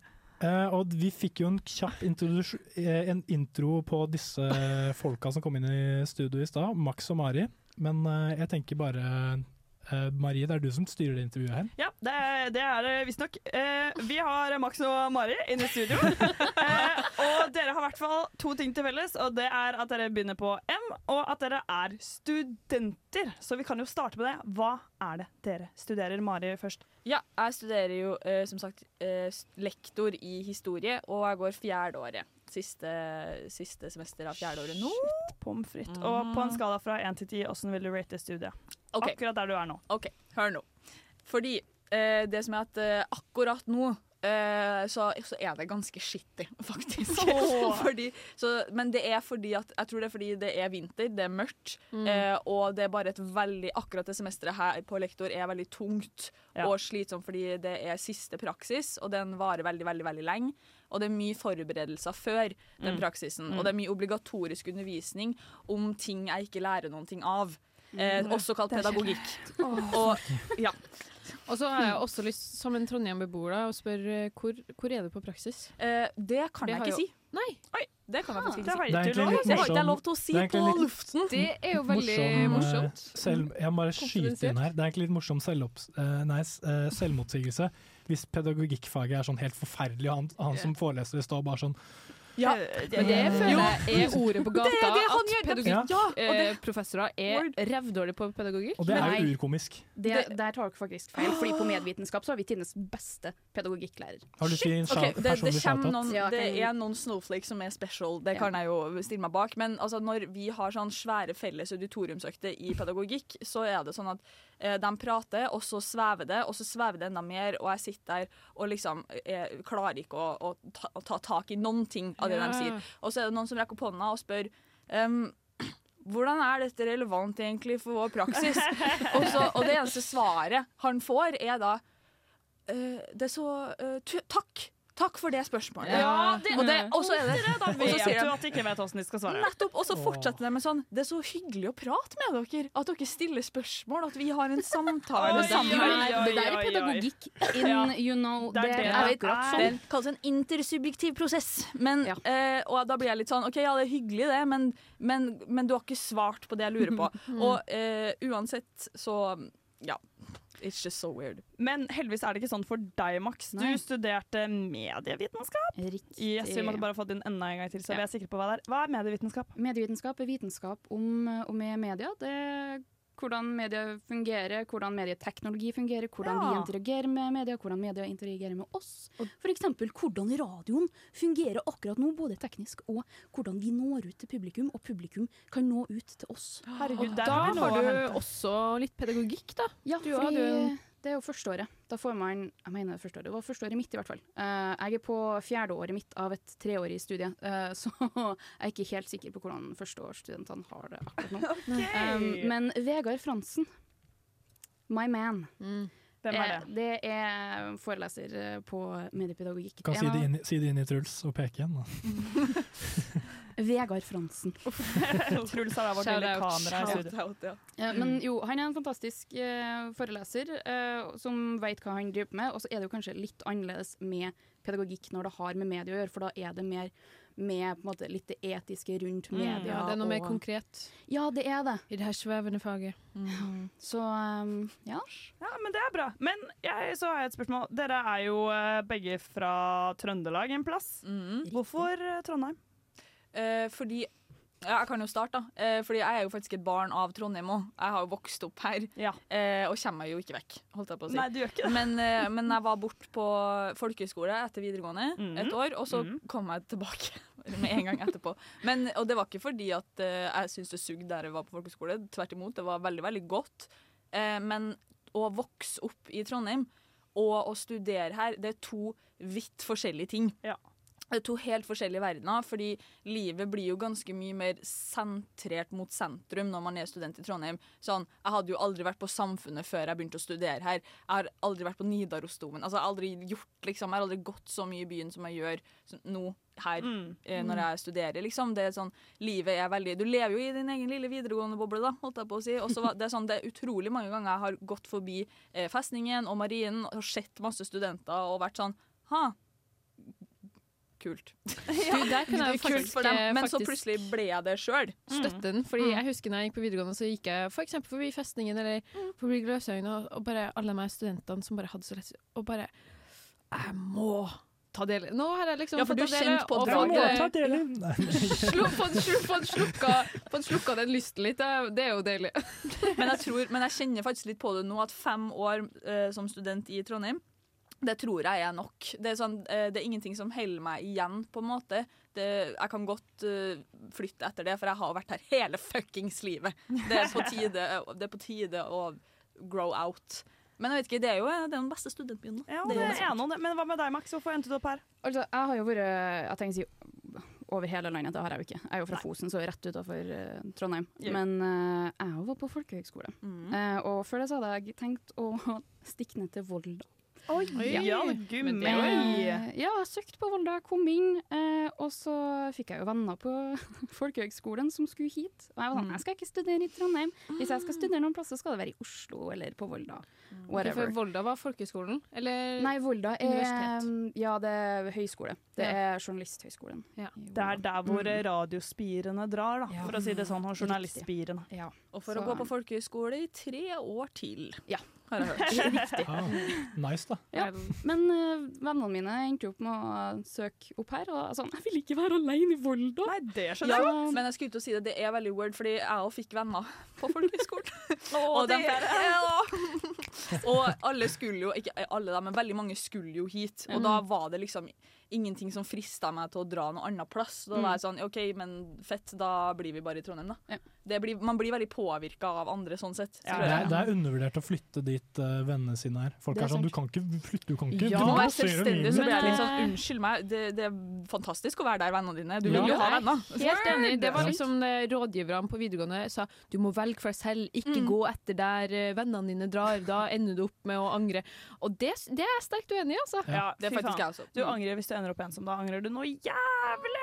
Jeg sender en tanke til alle de som drar på utveksling bare for å få seg en sånn individuell eh, ride, og så bare var det litt kjipt. egentlig. Ja, ja, apropos det, jeg var på utveksling, eh, og jeg dro i utgangspunktet alene, men så var vi flere der og ble en gjeng og jeg venner. Men eh, jeg vil bare si at det, det- altså, ja, det har gjort at jeg har begynt å støtte der. Vet du hva, Dra som en gjeng, dra med vennene Mm, dine. Fordi ja. det er bare mye lettere. Hvis du, spesielt på utveksling, hvis du drar alene, da er du fucking sårbar. ass. Alene i et fremmed land som snakker et fremmed språk, med fremmede butikker. Altså Bare det å gå på butikken er et helvete, liksom. Det For at det heter ikke Rema, og det heter ikke Norvegia hvitost. Og det er sånn Til slutt så bare Men der er jeg litt uenig, da. For hvis man drar gjennom eksempel et Erasmus-prosjekt, så er jo veldig mange i samme båt som er veldig sånn gira på Ja, for ja, det blir gjøre alt annet enn å studere, da. Og Men- mm. henge sammen 24-7. Altså, sånn, jeg snakker med veldig mange som har vært på utveksling, og det har vært liksom, det mest sosiale semesteret i hele Mm. deres liv. Skal jeg si. Jeg føler det er veldig stor forskjell på om du reiser til et Erasmus-sted eller ikke gjør det. Hvis du ikke gjør det, så wow, you're in for a treat, maybe. Ja, jeg har- aldri studert i utlandet, men jeg har gått på barneskole i utlandet. Oi! Em, Hvor da? I Tyskland. Damn! Mm. Deutschland. In Deutschland. Og da er det sånn, jeg fikk jo venner med liksom, eller ble venner med naboene mine, med dem jeg gikk i klasse med, sånn, men dem jeg hang med, var jo de andre norske folkene som var i området. Mm. Så Ja. det blir veldig fort sånn at man klinger seg fast til det som er kjent. Og det eh, skjønner jeg veldig godt. Altså, I would do the same, for å være helt ærlig. Jeg tror vi må avslutte med en eh, liten rapid fire. Mm. Jeg stiller et kjapt spørsmål, og dere svarer like kjapt. Ok, Begge to. Hva er det beste med å være student? Drikk. Hele tida. Eh, Studentradioen. Oh. Hva er det Godt svar. Ja, riktig svar. Hva er det verste med å være student? Studere. Ja, presse. Og eh, hva spiser dere til middag sånn gjennomsnittlig? Å gud, loaded veggie nachos. Oi, deilig da! Hva faen, det er bra. Fiskegrateng eller uh, potetmos. Ja, sorry, det var ikke like deilig, men Nei, ikke like deilig, men desto mer realistisk. Vi skal høre en låt, skal ikke vi det, Martin? Det skal vi. Vi skal høre en gammel kjenning. Det er Over City med Peach Garden. Ja, mye gamle kjenninger om dagene. Hei, alle sammen! Det her er Engelen fra Trøndelag Teater. Og vet du hva? Du hører på Nesten helg, er ikke det helt utrolig? Det gjør du! Det er dame jeg har lyst til å møte. Nei, det er mye bra jingles hos oss, eh, men uh, ikke for å skryte. Nei, vi har fortsatt uh, studentene på besøk. Det er veldig stas med studenter på besøk i Studentradioen. Uh, Mari og Max er her fortsatt. Eh, bare så eh, alle vet det. Vi alle, alle i rommet har jo en ting til felles, og det er at vi er radiojournalister i studentmediene. Og det er et såkalt verv. Altså, vi jobber masse og får ikke penger for det. Vi blir lovet en form for sosial kompensasjon. Eh, og det er vi så desperate på at vi er villige til å legge inn eh, ca. ti timer i uken på å få litt sosialt samvær med andre. Max, for å starte med deg, hvorfor i all verden fikk du lyst til å søke et verv?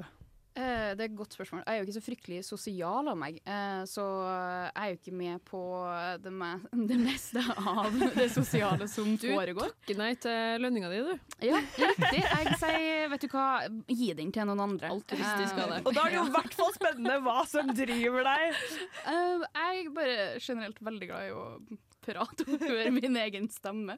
Og det å prate, prate om å se film. Så. Det er jo veldig interessant da, når du ikke liker å være så sosial, da, men ja. pratinga, den Ja, det, jeg vet ikke, jeg, det er kanskje litt autistisk av meg, men jeg liker ramma for pratinga. Og det er det Ja. ikke så veldig mye av i sosiale settinger. Og studentmediene er veldig stor, så da er det mange folk. Mens i radioen, på, liksom, på lufta, så er det folk du kjenner. Ja. Som, måte, Nei, det er litt mer men det hadde vært litt rammer. interessant da, å gått ut eh, på fest og sagt nå skal vi ha fem minutter stikk om det her. La oss prate om det. Og så Ja. fem minutter, og så Nei, du, nå er det fem minutters stikk om eh, Ja. Men du ser jo hvordan det går i sånne forelesninger. Når, når forelesningen er sånn OK, nå kan dere summe litt med naboen i tre minutter. Og så Det blir jo bare sånn. Da sitter man bare sånn Yes, da ble det oss, da! Og så snakker man i sånn 30 sekunder, og så er det sånn Har du gjort noe gøy i dag, da? konkurranse. Men da burde jo kanskje professoren være litt mer spissa med hva de sier man skal prate om. At Ja. det liksom, nå skal dere prate om spesifikt denne eh, delen av pensum, f.eks. Eller spesifikt denne delen av Trondheim. Har dere vært på, har dere vært på festningen før? Har dere opplevd det? Har dere vært på Munkholmen, for eksempel? Enig. Og så hjelper det jo det at man har jo den der faste gjengen da, som er de samme folka du møter hver gang. Du lærer jo dem å kjenne, og det blir ikke så kleint. Men Mari, du, eh, du er jo en litt mer eh, sosial butterfly, kanskje. Hvorfor ville du søke verv? Eh, jeg ville søke verv fordi eh, korona. That's why. Ok. Eh, Koronaperioden var lang og kjedelig og tørr. Eh, Ja, det var det. Den Det var- det var jo drit, ja. Så da var jeg sånn Jeg var utsulta på å kun eh, prate Alkohol. med andre. Det òg. På alkohol og på å prate med andre og gjøre noe aktivt Mm. sammen med andre og pla eh, produsere noen ting, da. Mm. Eh, og så kjente jeg jo veldig mange som var i studentmediene fra før, eh, så jeg visste at det liksom eh, var noen jeg kjente der allerede. Og da var jeg litt sånn, hm. og så hadde jeg tenkt på det ganske lenge, sånn at radio det tror jeg hadde passa bra, for jeg Mm. heller jo ikke kjeft ellers. eh, og jeg tror de også faktisk, de jeg bor med, var, de trengte liksom. Altså, de skylder den radioen her så sykt mye, fordi de var lei, liksom. De var sånn her, kan få hun ut? Altså, få hun på lufta til et annet sted. Så- eh, så jeg søkte jo fordi at eh, ja, jeg syntes det så veldig gøy ut, og jeg var utsulta. Du har egentlig litt sånn altruistisk perspektiv når du går inn i et verv. At sånn, dette her gjør jeg ikke bare for meg selv, det gjør jeg Nei. faktisk for dere òg. Jeg gjør det for dere. Ja. ja, men det er veldig Det, det inspirerende. er ljug. Jeg gjør det for meg sjøl. Ja. Og så lurer jeg på en ting, det er litt personlig spørsmål. da. Mm. Um, når man hører om liksom, studentlivet og forbereder seg på det, så får man vite at å, Trondheim, det er kjærestebyen, der er det Mm. masse dating, der kan jeg få meg noe på kroken når jeg vil. Åssen går det med datinga, Mari? Nei, å gud, der spør du godt. Um, fordi Det er artig at du sier det, fordi jeg har også hørt det at sånn, det her er det kjærestegaranti. Uh, men det skjedde ikke mye før jeg begynte å være aktiv i verv, nei. Det jeg, men det skal jeg bare være ærlig på. At, eh, jo, for Før jeg ble med i Radio så var jeg også med i linjeforeninga for studiet mitt i forbindelse med fadderuka og sånn.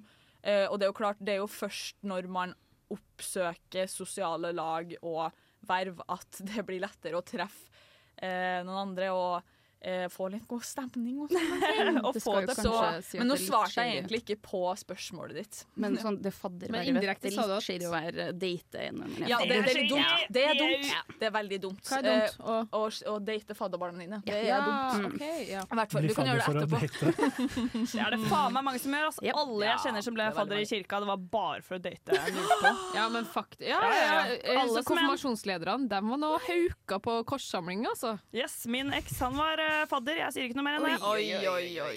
Yucky. Jesus vrir seg i graven. Ja, gjør det. Men Han spinner i graven. hvis du skal komme til eh, ditt, ditt eh, datingpoeng, hva Ja. var det du ville si? Eh, til mitt datingpoeng. Altså, det er jo en gullgruve da, å være i verv, Ja. sånn sett. Eh, hvis, du vil, hvis, du, Så- hvis du faktisk vil å prøve. Jeg har ikke prøvd så jævlig hardt, da. Det du sier litt Men, mellom eh, kortene her, eller linjene her, at Mm. det, er litt, det, det, går, det er litt dating, da. Du får tatt på noen da, i løpet av veien. Det, det får du. Det var ikke bare den altruistiske motivasjonen som fikk deg inn i dette vervet? Max. Kan jo hjelpe andre på flere måter. Ja, Ja, det er sant. Der sier du noe. Men på, samme, på samme måte som du tørstet etter sosialt samvær under korona, Mm. så tørster jeg etter å høre litt Skrillex. Oi! Ja, kan, ikke ja, ja. Høre, kan ikke du være så snill å sette på litt Skrillex, Ann Marie? Så vi skal altså ikke høre noen ting om Maxi-datingliv? Jo, vi hører jo om det i neste stikk. Oi, da var veldig Da Ja. syns jeg vi skal høre litt Skrillex. Vi hører Skrillex, Fred Again og Flow Down med Rumble. Hei, dette er Kamara, og jeg er på nesten helg, bitch. Yes, det var et Oh, kjært gjensyn med gode gamle Skrillex. det var deilig. Men Ja. Max, vi fikk ikke høre noe om ditt datingliv, og det har vi ganske lyst til. Ja, nei, jeg, det er veldig kort og konsist. Eh, jeg data noen i Hvor lenge var vi data? da? Lite år, men det, vi møttes okay. på studio. En studio, faktisk. Studie. Um, min er beste venninne og romkamerat. Er det det? Ja, dere ja, bor sammen nå? Ja, ja, vi bodde sammen før vi ble sammen, og vi bor sammen nå. Det er Helle fra Det er selvfølgelig Helle, vår radiokollega i Bokbaren. Dette her visste jeg egentlig, for det, jeg hadde en samtale med Helle en gang hvor hun snakket om at hun var bestevenn med eksen sin. Jeg var bare sånn Det er ikke jeg. Det skal sies da Helle er venn med de fleste av eksene sine. Ja, Så- for det, ja, det fikk jeg også høre, og det syns jeg er jævlig inspirerende. I wish I could do the same, men det kan ikke jeg. Men når dere var på dateren, da, syns du det var ubehagelig at hun er venn med alle eksene sine? Egentlig ikke, men uh, det skal jo sies at jeg er jeg er poli, um, så vi, liksom, vi hadde en gående samtale med en av de andre eksene hennes òg. OK! En samtale med et lite blunkefjes, liksom? Litt blunk-blunk, ja. OK. Som dere ser, vi studenter vi kan finne på hva vi vil. Blunk, blunk. Men Morten, du brenner inne med et lite spørsmål etter vi hørte en uh, Skrillex. Ja, vi, vi hørte på Skrillex, og min uh, tydeligst, tydeligste assosiasjon til Skrillex Det er å sitte i en eller annen svett kjeller og spille Call of Duty Modern Warfare 2 og bare blaste Scary Monsters and Deilig nice, eh, monster på sida òg. Ja, men deilig monster på siden. Eller Urgent Tense. Eller Urgent Tense, gode gamle. Eh, og du Max, du skal jo skrive oppgave, bacheloroppgave, om Call of Duty. Da må jo Skrillex komme inn, eller? Ja, det er jo, tenker jeg Den er kanskje ikke Skrillex er kanskje ikke så fryktelig relevant for det jeg skal skrive om, men jeg kan sikkert klare å rope him in somehow, you know. Skvise med en liten kilde. Ja. En liten referanse til Men hva, men hva skal du skrive om? Hva er det med Call of Duty du skal uh, snakke om i denne? Greia er jo at vi har en god del dude bros eh, der ute som ikke er så veldig ja, som, like ja, De er ikke så fryktelig fornøyd med eh, resepsjon av eh, rebooten. Eh, hos enkelte deler av fandomen, fordi det er Nå en god del Må jeg bare stoppe deg litt? Og så eh, en reboom av, Reboot. av, av fanskar... Nei. Ok, Det er en reboot av et spill som kom ut i 2009, som er Modern Warfare 2. Ja. Og den har blitt gjort om, eller reboota, så den er ikke en ny versjon, eller det er en ny versjon, men den er ikke Det er samme prinsippet, basically. Det er Ja. mye av samme karakterene som er brukt igjen. Da skjønner jeg. Ja. Eh, og så er det bedre teknologi, det ser bedre ut, etc., etc. Men det er en god del eh, Fanbasen har blitt større, da, så det er ikke bare folk som syns å, militæret er kult, det er gøy å skyte. Det er òg mange som spiller eh, for innholdet, og en del av innholdet er jo selvfølgelig karakterene. Mm. Eh, og her har vi en god del big beefy militærmenn. og da blir det laga en del fanart. Ja, det er ikke sant. Åssen ser den fanarten ut, da? Det er mye forskjellig. Eh, det er grader av eh, PG, blant annet. Det er litt sånn varierende spice. Mm. Eh, men det er òg mye shipping, altså at det er mye karakterer som er sånn Å, de er sammen. Å, de er så søte sammen. You know? Ja, nettopp. Og da er det jo en Kodekarakterer, Det er Ja. så komisk. Hvis at, du, hvis at du spiller gjennom eh, campaign og spiller gjennom Alone, Ok. som er hvor en av eh, karakterene, Soap, eh, havner alene eh, midt opp med Eller midt i eh, opp med Shadows, som er fienden. Han er helt alene, han er skadd. Han må komme seg fra punkt A til B. Og så har vi eh, Simon Ghost Riley, som òg var med i eh, første versjon, eller fra 2009, eh, hvor han guider han da, over koms. Og det er litt, litt fruity okay. Kommunikasjon, Oh, ja. eh, som en god del folk har bitt seg merke til. Um, mm. Men de her dudebrosa er ikke fornøyd med at eh, det er eh, tilsynelatende eh, straighte karakterer. Det blir ikke Nei. sagt noen plass at karakterene er straight, blir ikke sagt noen plass at de er skeive. uh, men at de er sånn 'Å, herregud, det her er en straight karakter! Du kan ikke si sånt! Det her er ekkelt! Det her er nasty!' Og så Oh my God. får de bare til svar med mer fanart og okay. sånn. Så hva hva er på en måte din vinkling eh, med oppgaven oppi det her? På en måte? Har du funnet ut av den? Ja, jeg har lyst til å undersøke mer med hvordan og hvorfor eh, man tar også eh, queer-code, eller man tar også skeivifiserer eh, karakterer, hvorfor man tar eh, cis-karakterer og skriver dem om til trans, fordi det er jo en mangel på representasjon eh, som mest sannsynlig er grunn til det. Um, men samtidig så er det jo òg en liten fetisjering, seksualisering, som ikke er helt grei. Eh, og det ser vi jo med kvinnelige karakterer. Og det er jo noe som har blitt tatt opp i eh, akademia. Og mediebilder. Mm. bilder. Husker, Så, hvis folk husker Gamergate fra Når er det? Siden 2013 eller noe? Ja 2013-2014. Hva er Gamergate, Morten? Eh, det var jo en dame som heter Anita Sarkeesian som eh, eh, la ut en del YouTube-videoer hvor hun snakket om seksualisering av kvinner i videospill og sånn. Mm. Og um, hun fikk jo bare en eh, tornado av shit mot seg. Oi. Og mange oppressed gamers som oh, var veldig sinte på henne. Så Så teit. Ja. Nei, men uh, det jeg føler du i hvert fall viser med denne bacheloren her, Max, er at uh, man kan skrive om ganske mye forskjellig når man skriver en bachelor, og man kan vinkle den til uh, noe som Ganske er relevante tema. Veldig relevante tema, og som er av personlig interesse også. Jeg regner med at du får spilt litt COD oppi dette her. Og ja, det er planen. Jeg skal spille både 2009-versjon og 2022-versjon. Ja. Det er, det. det er helt nydelig, og det føyer seg inn i research. Og når du har sittet og gamet en hel dag, så sier du ja, i dag har jeg jobbet med skole i åtte timer, og jeg er så jævlig sliten! Nei, men eh, nå begynner det å røyne på her, eh, folkens. det gjør det. Takk for, at du skal- kom, eh, takk for at du kom, Max. Og Takk takk, ja, selvfølgelig. Og takk til Mari, som måtte dra for å kjøre sin mor på Paintons. Jepp. Ja, Vi vi skal høre en låt. høre en låt. Vi hører Gloss Up Glorilla med Best Friend. Hei, det er Thomas Seltzer her. Du hører på Nesten Helg på Radio Revolt. Det er helt riktig, Thomas. Du hører på Nesten Helg. Og nå skal vi prate om hva vi skal gjøre til helgen. Eh, Nora, hva skal du til helgen? Veldig spent. hva skal du til helgen? Jeg skal Du, eh, i kveld så skal jeg sjekke ut, eh, sjekke ut en um, en, eh, En fotouts- En fotoutstilling um, på Kuk, samme plassen som uh, Føstsjakk Ha-ha, Kuk! Tihi. Føstsjakk, uh, som vi hadde besøk av sist uke, skjer om to uker. Så Oi! Win! All right. Eh, og så, eh, i morgen så har vi jo, eh, har vi jo eh, et forspill med masse radiofolk. Eh, siste festen av Velkomstsyktøy. Jeg tror det blir litt. Juhu! Marie på teknikk har bare Hun skal rønne, liksom Har, har kjempa seg gjennom denne sendinga, så nå skal hun kødde litt rundt på slutten. Ja, det er det. A little treat myself. Yes, yes. Og så har jeg fått helt hekledilla, så jeg skal hekle. Nå har jeg faktisk kommet inn i det. Her. det prosjektet her har vart i to måneder, men nå føler jeg faktisk at nå har jeg kommet inn i det. Nice. Marie, du Hva jeg skal? Jo, det, det skal jeg fortelle deg. Eh, I kveld så skal jeg ta en liten øl med de nye i Radiokultur eh, og, Morten, og med Morten. Han skal være med på det, så det blir veldig koselig.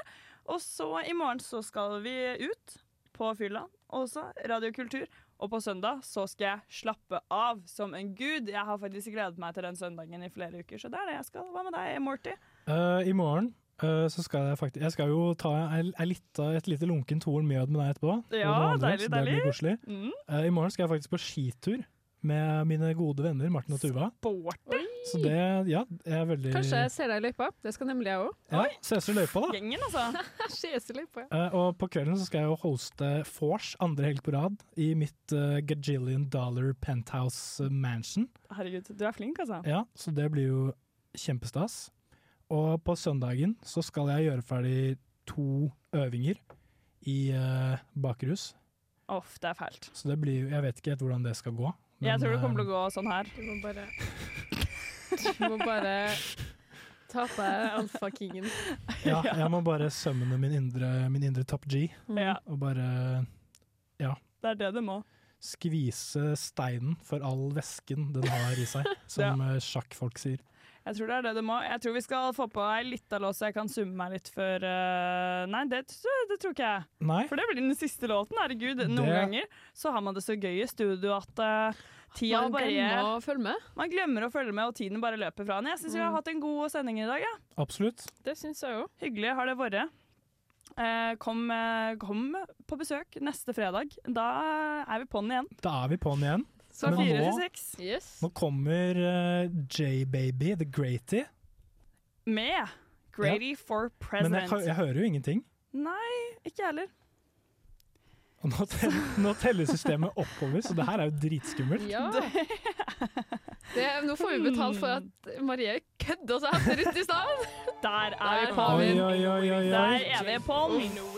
Da med det Ja, men er vi, sikre, er vi sikre på det? det er Vi er si det. vi er sikre på det, vi kan si det. Men vi må si en ting til. Vi må si én ting til. En ting til. Og det er God helg!